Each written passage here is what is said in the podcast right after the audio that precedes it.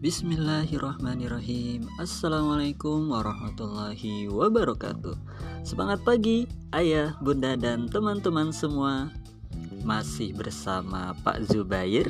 Ketemu lagi di podcast SMP Sekolah Alam Kebun Tumbuh.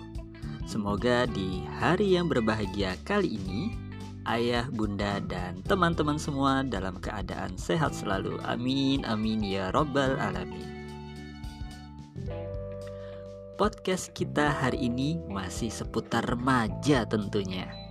Dikutip dari hasil sensus penduduk, jumlah generasi Z mencapai 75,49 juta jiwa atau setara dengan 27,94% persen dari total seluruh populasi penduduk di Indonesia.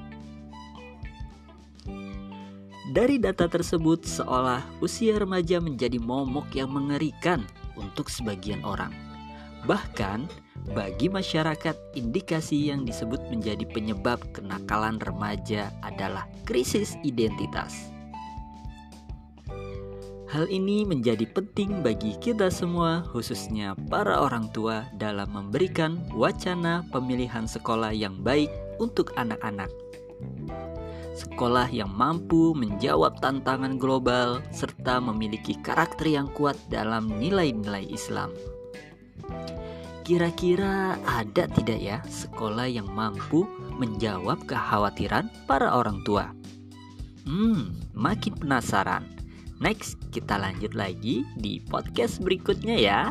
Jangan lupa like, komen, dan subscribe. Ilaliko, ma'assalamah. Wassalamualaikum warahmatullahi wabarakatuh.